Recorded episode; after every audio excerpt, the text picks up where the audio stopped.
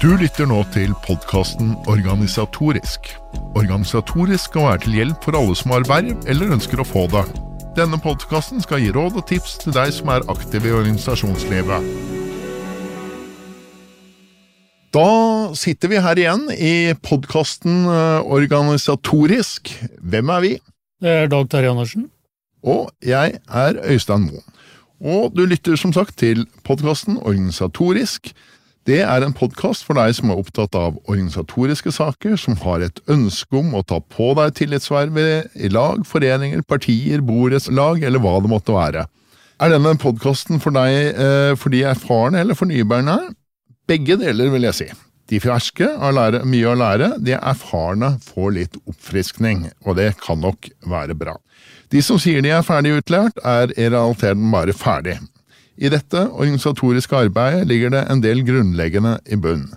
Men verden forandrer seg. Vi har annet uh, i bruk nye teknologi, og vi tar i bruk uh, Vi kan påvirke hvordan vi samhandler. Så det er også endring i det organisatoriske. Det som står på agendaen i dag, er hvorfor ta på seg tillitsverv? Hvorfor ikke ta på seg tillitsverv? Og hvordan bli valgt som tillitsvalgt. Da har vi redegjort for hva agendaen eh, er. Eh, har du andre saker? Har du noe under eventuelt, eh, Dag Terje? Nei, ikke noe under eventuelt i dag. Da har vi presentert de av oss som er til stede. Dagens tema er hvordan bli tillitsvalgt. Det er vedtatt, og møtet er satt. Dag Terje. Hvorfor skal man gidde å være tillitsvalgt? Nei, det er jo fordi at hvis ingen tok på seg det å være tillitsvalgt, så var det veldig mye i samfunnet vårt som ikke ville fungert. Altså Vi er jo et samfunn med masse frivillighet og frivillige organisasjoner som er utrolig viktig for hverdagslivet til folk flest eh, i Norge. Og så har vi det mer sånn, offisielle tillitsverva som det å være en kommunestyrerepresentant eller bydelsutvalg, som det heter her i Oslo, og, og, og den type ting. Det er viktige verv i fagbevegelsen osv. Nei, hvorfor skal du ta på deg tillitsverv? Det er rett og slett fordi at eh, det er bra at det ganske mange føler et ansvar for å ta sin del av jobben. Altså, Dette er jo en dugnad, og da må noen stille opp hvis jobben skal bli gjort. Så det er å ta på seg ei oppgave for et stort eller lite fellesskap. Nå skal jeg ikke spørre deg om hva som var det første tillitsvervet ditt, men jeg skal spørre deg om hva uh, var første gang du kom i kontakt med organisasjonsliv og ble litt nysgjerrig på dette organisasjonslivet? Ja, mer sånn organisasjonsliv i forhold til opplæring i organisasjonskunnskap og sånn, nevnte jeg i forrige podkast. Det var når jeg var ung og medlem av et ungdomslag, uh, upolitisk ungdomslag, uh, i himbygda mi, og dem sørger jeg for at mange av de unge medlemmene fikk eh, opplæring i organisasjonskunnskap. Det var den første gangen jeg uh, møtte det. Eller så var det nok den første gangen jeg forholdt meg til tillitsvalgte som var tillitsvalgte på vegne av meg, var når jeg arbeidet på smelteverket i Larvik i 77 79. Uh, og møtte det organiserte arbeidslivet og ble fagorganisert sjøl. Og hadde god opplæring av dem som da var tillitsvalgt for meg der ute, uten at jeg sjøl hadde noe tillitsverv der. Nei, For egen del så, så starta det jo allerede på ungdomsskolen. For jeg blei først stilt stilte som tillitsvalgt i klassen og tapte valget. Mm. Og eh, det var fordi at jeg ønska at vi skulle dra på leirskole til Danmark. Det var enkelte lærere og eh, eh andre i klassen litt imot. Mm. Eh, så jeg tapte tapte den eh, voteringa om å bli tillitsvalgt, for jeg tenkte at det var, det var, den måten jeg kunne påvirke det at det ble leirskole i Danmark. Mm. og ikke på Krokskogen, som var alternativet, tror jeg.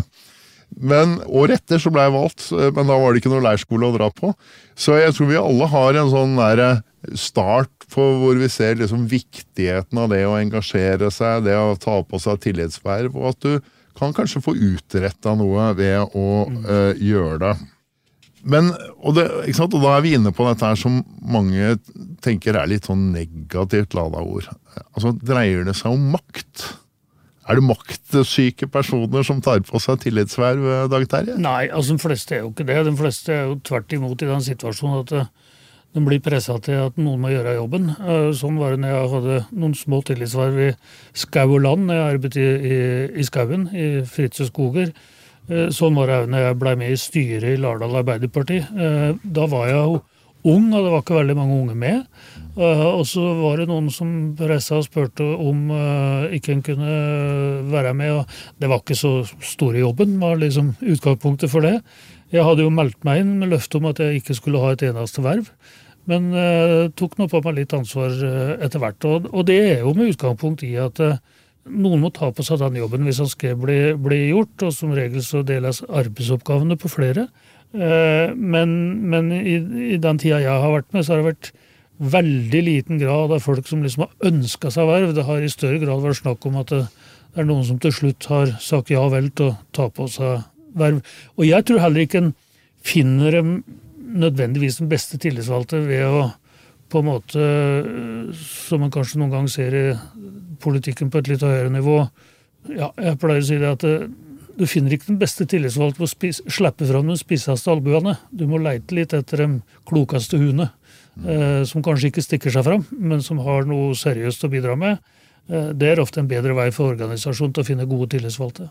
Men nå hører du at det er, det er, kanskje ikke disse her maktsyke personene som er de mest vanlige, og det er ikke så vanskelig å få, få tillitsverv. Nå skal vi gjøre det vanskeligere, for nå skal det bli mer rift om jobbene etter at de har hørt på denne podkasten, Dag Terje. Ja. Eh, så, så, nå tenker vi at det blir litt mer konkurranse om det å bli tillitsvalgt eh, rundt omkring.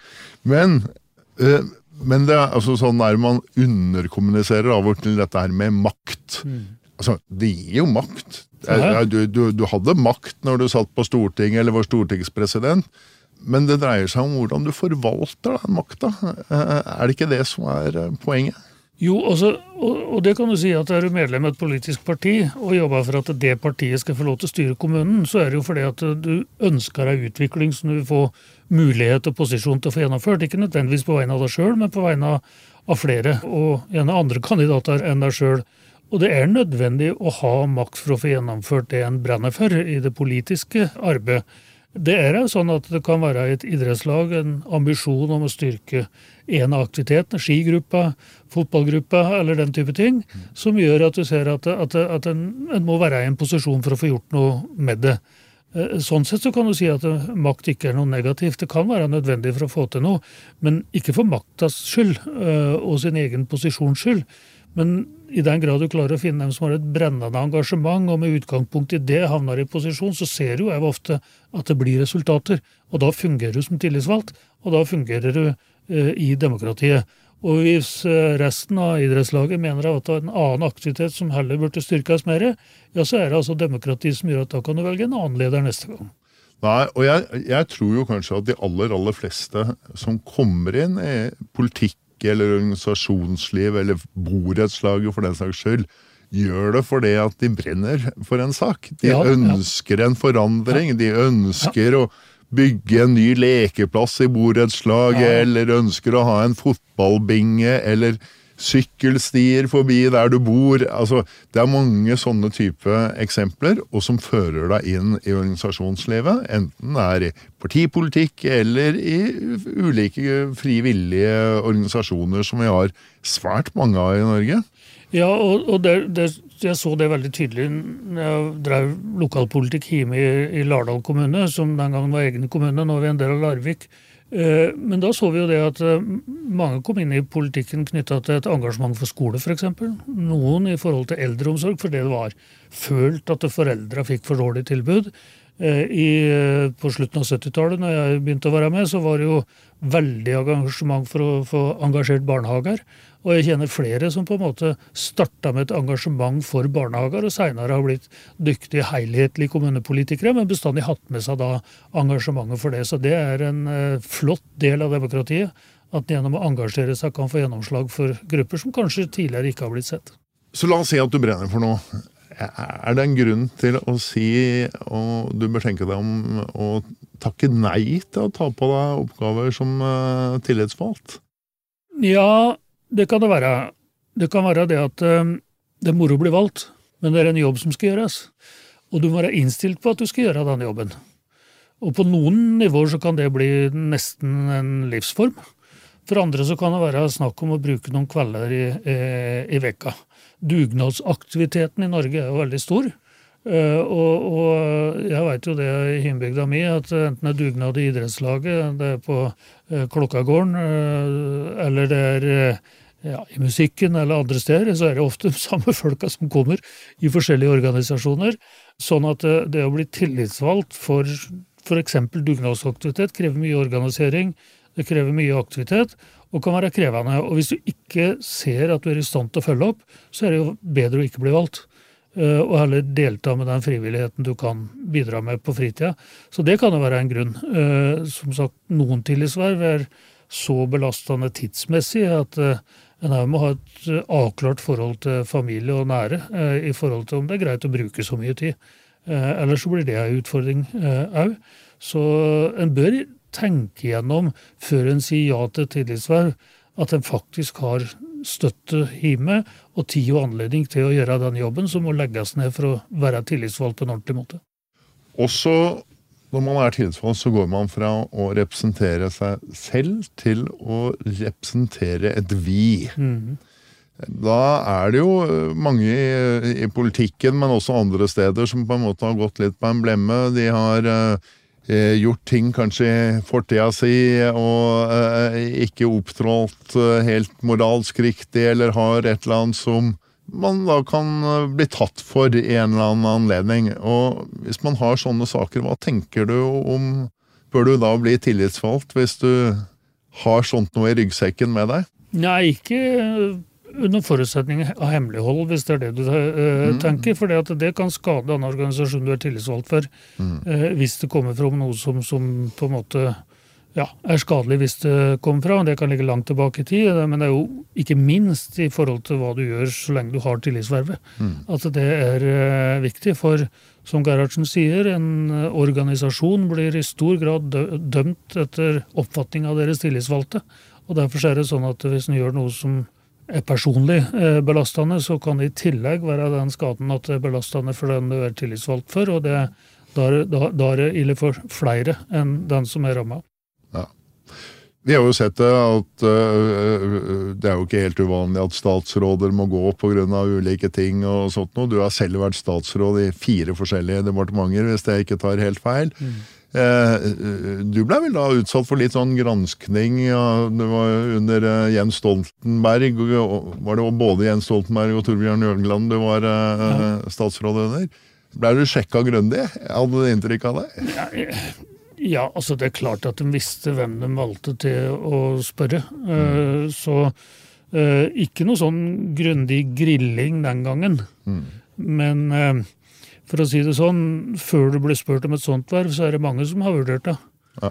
Det kan være i politikken, da, kommunepartiet ditt, fylkespartiet ditt, erfaringer fra den tida du f.eks. har vært på Stortinget. Så uh, i hvert fall de som har politisk erfaring, så vil mye av bakgrunn og erfaring til den det er snakk om, være, uh, være kjent. Men uh, det er ikke noe rart at det har blitt mer fokus på det nå at eh, en går grundig gjennom og får folk til å tenke gjennom kan det være noe i bagasjen min som kan være skadelig hvis det kommer fram. Eh, og da bør en være åpen og ærlig på, eh, på, det. Ja, for da må man kanskje gjøre et valg. Skal jeg være åpen på det som ligger i bagasjen min, og kunne prate om det, og så får folk vurdere mm. etter den åpenheten om man kan være tilliten verdig igjen, eh, eller om eh, man på en måte ønsker å ha den private bagasjen man eh, har med seg, og ikke ønsker å få den bretta ut på VG eller Dagbladet sine forsider. Nei, men hvis du er i en situasjon der du liksom må tenke over hele tida at det er noe jeg driver med som huff jeg håper ikke kommer fram, ja. da bør du kanskje tenke deg om en gang til for å ta et tillitsverv, for du tar det på vegne av flere og ikke bare deg sjøl. Ja.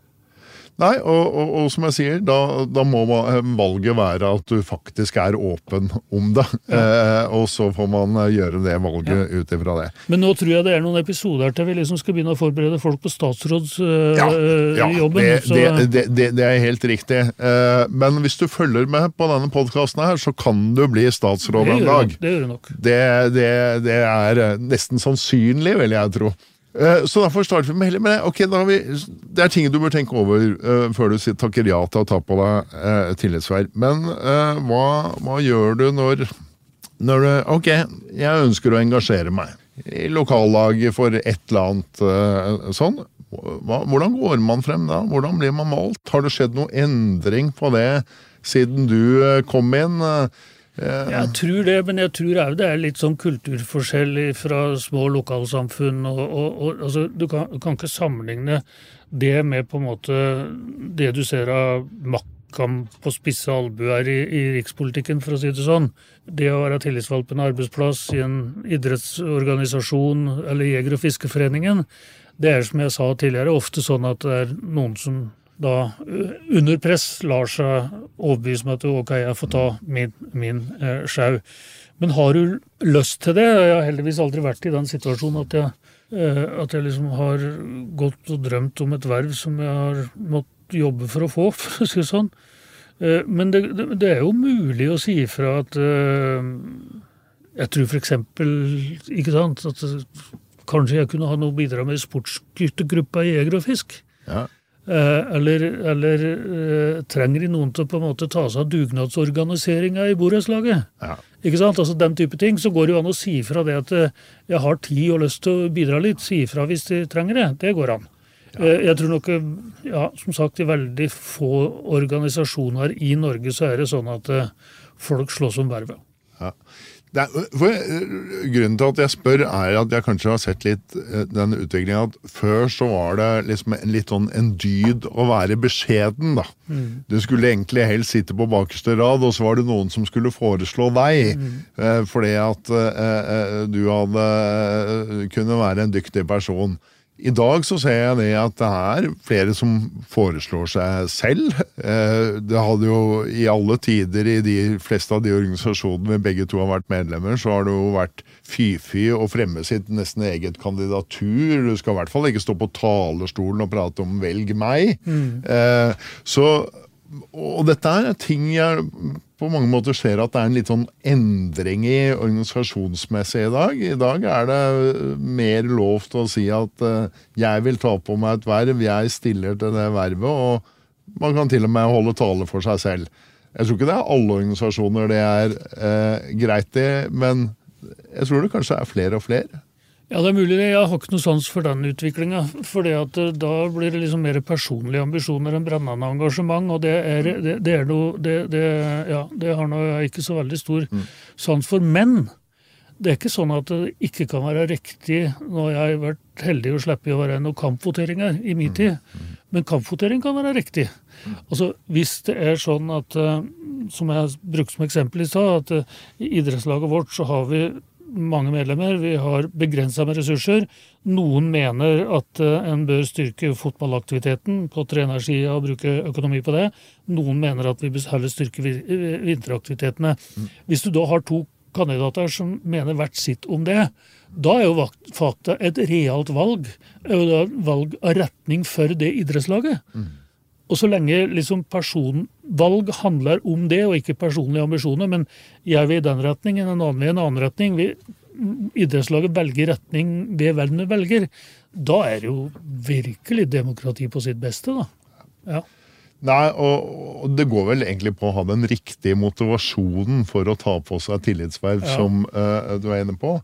Men ulike organisasjoner av ulike, og det kommer jo helt an på også på hvilket nivå det er. Eh, mange organisasjoner sliter med å rekruttere tillitsvalgte, så nærmest mm. bare ved å møte opp på et møte, så kan du stå i fare for å bli valgt som tillitsvalgt. Ja. Og så blir det jo litt mer og mer profesjonelt etter hvert. Man har valgkomité, f.eks. Det er en litt sånn hvordan er spillereglene rundt det å bli valgt og, og sånt noe? Først må noen foreslå deg, eller du foreslår deg selv. Ja. Så lar vi den ligge om det er bra eller dårlig. Nei, men altså det er jo veldig ofte sånn Det vil, det vil jo være forskjellig. Men det, det, er jo veldig ofte sånn at uh, du har noen som er aktive i en organisasjon, og hvis, uh, hvis uh, lederen for den organisasjonen vil trekke seg tilbake, så du må finne en ny en. Det er jo ofte situasjonen. Eh, så vil det være sånn at dem som sitter i en valgkomité, har oversikt over hvem har vist aktivitet, hvem tror vi kan fungere som en leder for denne gjengen, som de kanskje har vært en del av styret. Det er jo ikke uvanlig å bli valgt til leder etter å ha hatt en styreplass, f.eks. Eh, så ofte så vil det jo være kjent hvem som, som har både lederegenskaper, og som på en måte vil ta organisasjonen i den retningen som organisasjonen vil. Og en valgkomité skal jo prøve å finne ut det. Altså, det er noen som tror at liksom for enhver pris så skal valgkomiteen være enig. Men hvis de skal være enige, så er det fordi de har funnet ut hvor ligger holdninga i organisasjonen. Ikke sant? I årsmøte eller landsmøte eller hva det er for noe. Da er det bra med enighet. Eh, men ikke fordi han dekker over en uenighet. For som jeg sa i stad i idrettslaget, hvis du dekker over uenigheten mellom fotballgruppa og skigruppa, for å si det sånn, da, mm. da er det mye mer realt å få en avklaring på det. Og det er medlemsmøtet i en idrettsorganisasjon fullstendig i stand til å konkludere på på en demokratisk og real måte, forutsatt at organisasjonens spilleregler blir fulgt. Men da tror jeg vi må ta en liten uh, runde på hva er en valgkomité? En valgkomité det er altså I veldig mange organisasjoner så er det sånn at når du har årsmøte, så velger du leder og nestleder og sekretær og kasserer og styre osv. Og så velger hun i noen, mange organisasjoner et kontrollutvalg, og de som skal revidere regnskap og sånn. Og så velger hun valgkomité, og de skal da forberede valget på neste uh, årsmøte. Uh, noen organisasjoner så blir valgkomiteen oppnevnt uh, av, et, av, et, styre i løpet av året, f.eks. Det varierer litt. Men det er jobben til valgkomiteen er kort sagt og ja, jeg er lederen av valgkomiteen i Vestfold Arbeiderparti. Jeg kan fortelle om hva vi gjør der. Mm. Da spør vi først hvem av dem som sitter i styret i dag, som har lyst til å fortsette. Så ber vi om innspill fra alle kommunepartiene på hvem kunne dere tenke dere som skal sitte i det nye styret.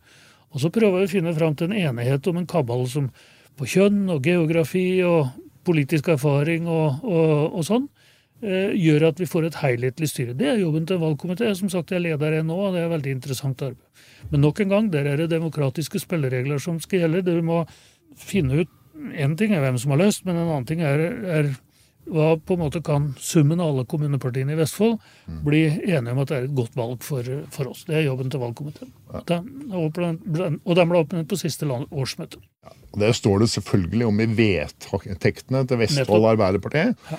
Og der står det sikkert noen av de tingene. står i vedtektene. Hvor mange som skal sitte i styret, står sikkert i vedtektene. Ja. Jeg, jeg, vet at uh, i, i, Arbeiderpartiet så står det også at det skal være 50-50 av kjønnsfordeling i, i, i, styret, som er noe du må ta hensyn til. Og så sier du noen andre ting. Ja, så kan det være geografi. Det står ikke noen vedtekter eller noe sånt noe. Og, og, det kan være selvfølgelig altså en vurdering av ulike personlige egenskaper. Mm. Så det er den totaliteten der en valgkomité skal prøve å ja, finne ut av.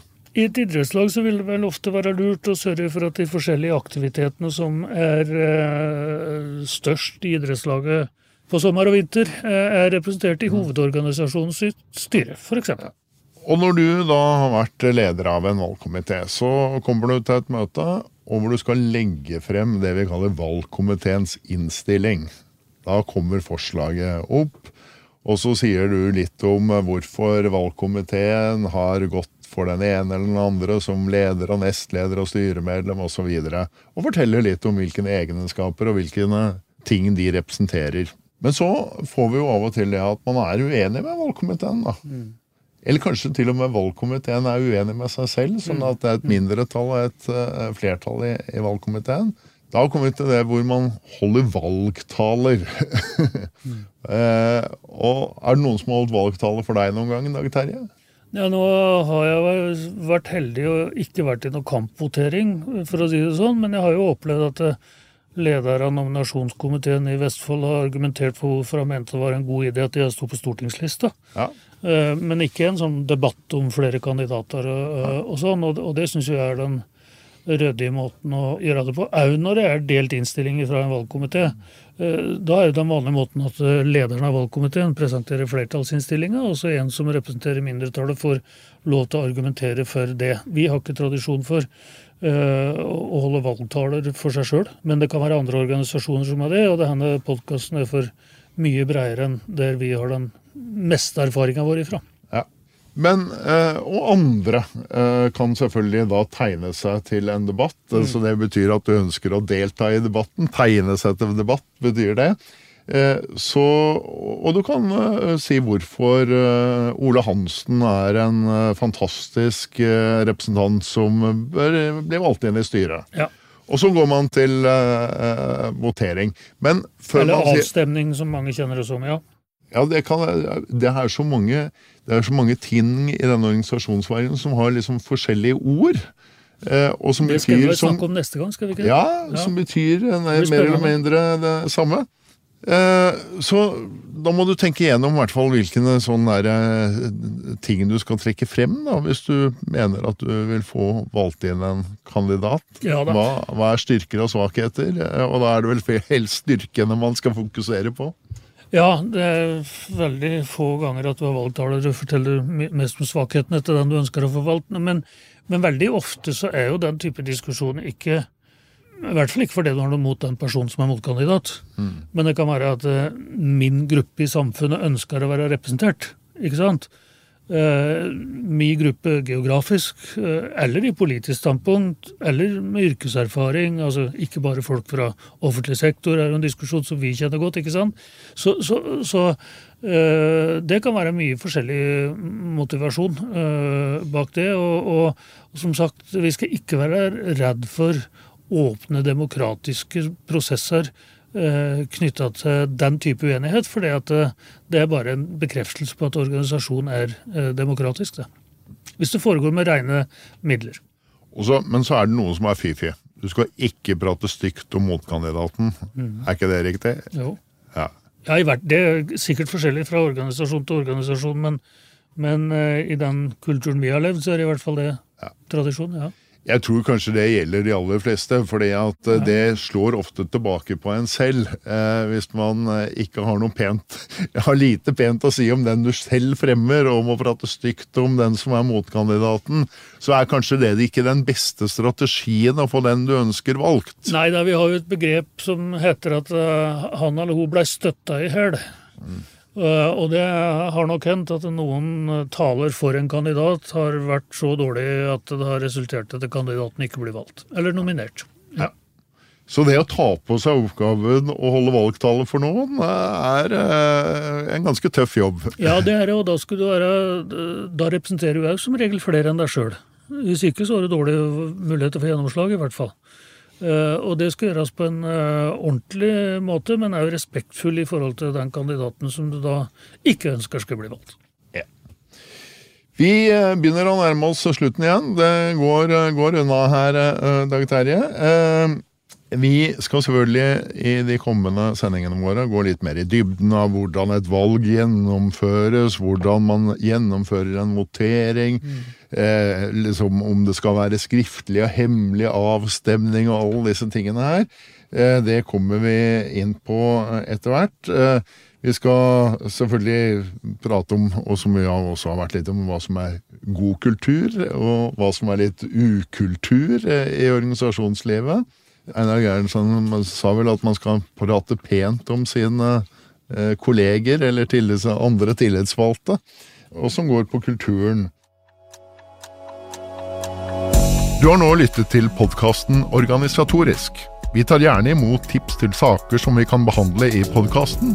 Du finner oss på Facebook, eller du kan sende oss en mail på post at organisatorisk.no. På gjensyn. Møtet er hevet. Podkasten Organisatorisk presenteres av Norgesbarometeret AS. Norgesbarometeret leverer alt av meningsmålinger og analyser, og er spesialister på medlemsundersøkelser. Alle organisasjoner er avhengige av å vite hva medlemmene tenker. Er de fornøyde? Er det noe de savner, eller noe som kan forbedres? Alt dette, og enda mer, kan Norgesbarometeret gi deg svar på. Ta kontakt, eller finn ut mer på norgesbarometeret.no.